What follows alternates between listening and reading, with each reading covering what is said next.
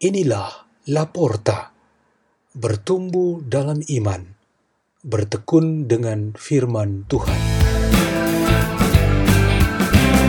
Dibawakan oleh Maria Antonia Mesu dan Lutgardis Tuto dari Gereja Santo Fransiskus Asisi, Paroki Lamahora, Keuskupan Larantuka.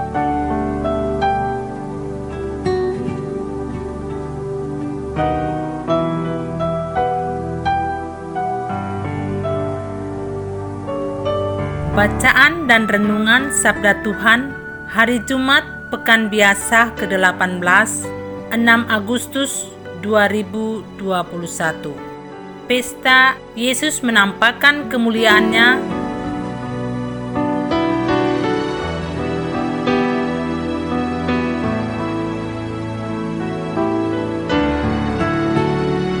Inilah Injil Tuhan kita Yesus Kristus. Menurut Markus bab 9 ayat 2 sampai 10. Sekali peristiwa Yesus membawa Petrus, Yakobus, dan Yohanes dan bersama-sama mereka naik ke sebuah gunung yang tinggi. Di situ mereka sendirian saja. Lalu Yesus berubah rupa di depan mata mereka.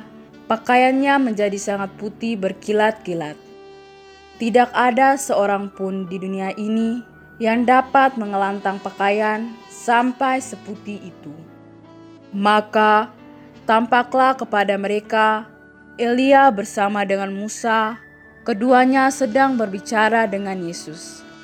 Kata Petrus kepada Yesus, "Rabi, betapa bahagianya kami berada di tempat ini. Baiklah kami dirikan tiga kemah satu untuk engkau, satu untuk Musa, dan satu untuk Elia. Petrus berkata demikian sebab ia tidak tahu apa yang harus dikatakannya karena mereka sangat ketakutan. Maka datanglah awan menaungi mereka dan dari dalam awan itu terdengar suara, Inilah anak yang kukasihi, dengarkanlah dia. Dengan sekonyong-konyong, waktu memandang sekeliling, mereka tidak lagi melihat seorang pun bersama mereka, kecuali Yesus seorang diri. Pada waktu mereka turun dari gunung itu, Yesus berpesan kepada mereka supaya mereka jangan menceritakan kepada seorang pun apa yang telah mereka lihat itu sebelum Anak Manusia bangkit dari antara orang mati. Mereka memegang pesan tadi sambil mempersoalkan di antara mereka apa yang dimaksud dengan bangkit dari antara orang mati. Demikianlah Injil Tuhan. Terpujilah Kristus.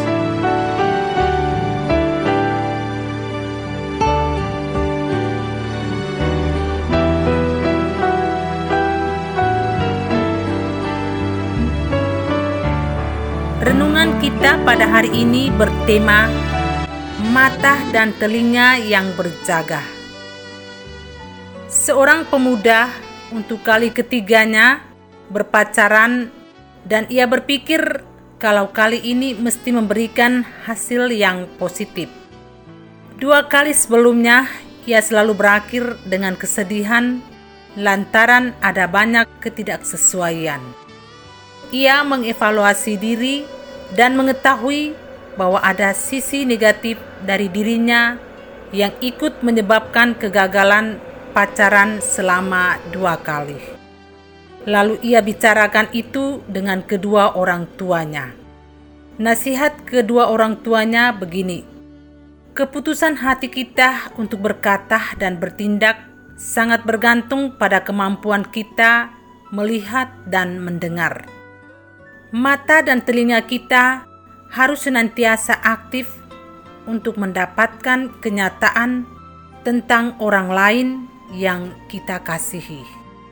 Ketika melihat bahwa orang di sampingmu sedang sibuk dengan berbagai pekerjaan atau ketika telinga mendengar kalau orang tersebut suaranya sudah tidak berdaya, keputusan hatimu akan menentukan tindakan untuk memperhatikan dia. Pemuda itu mengamini nasihat itu dan bertekad untuk membuat kesempatan pacaran yang ketiga kali itu berbuah baik dan bisa meningkat menjadi hubungan ke jenjang perkawinan. Pada hari pesta, Yesus menampakkan kemuliaannya ini. Sabda Tuhan mengajarkan kita untuk mengalami kemuliaan dan kebesaran Tuhan melalui mata kita yang melihat dan telinga kita yang mendengar. Ketiga bacaan menggambarkan penglihatan dan pendengaran fisik yang dialami oleh Nabi Daniel, Rasul Petrus, dan kedua rekannya. Mereka melihat penampakan Tuhan dan mendengar suara yang datang langsung dari surga. Suatu pengalaman iman yang secara langsung seperti ini sangat didambakan oleh banyak dari kita kita bagaikan terangkat setinggi gunung Tabor, tempat para rasul menyaksikan penampakan kemuliaan Tuhan. Saat ini, hampir semua pengalaman iman kita ialah kejadian-kejadian tidak langsung, namun ditandai secara langsung.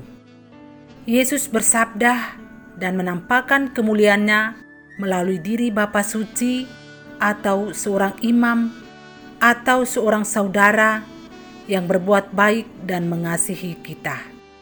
Yesus hadir secara pribadi langsung tetapi dilambangkan oleh roti Ekaristi yang selalu kita sembah dan santap.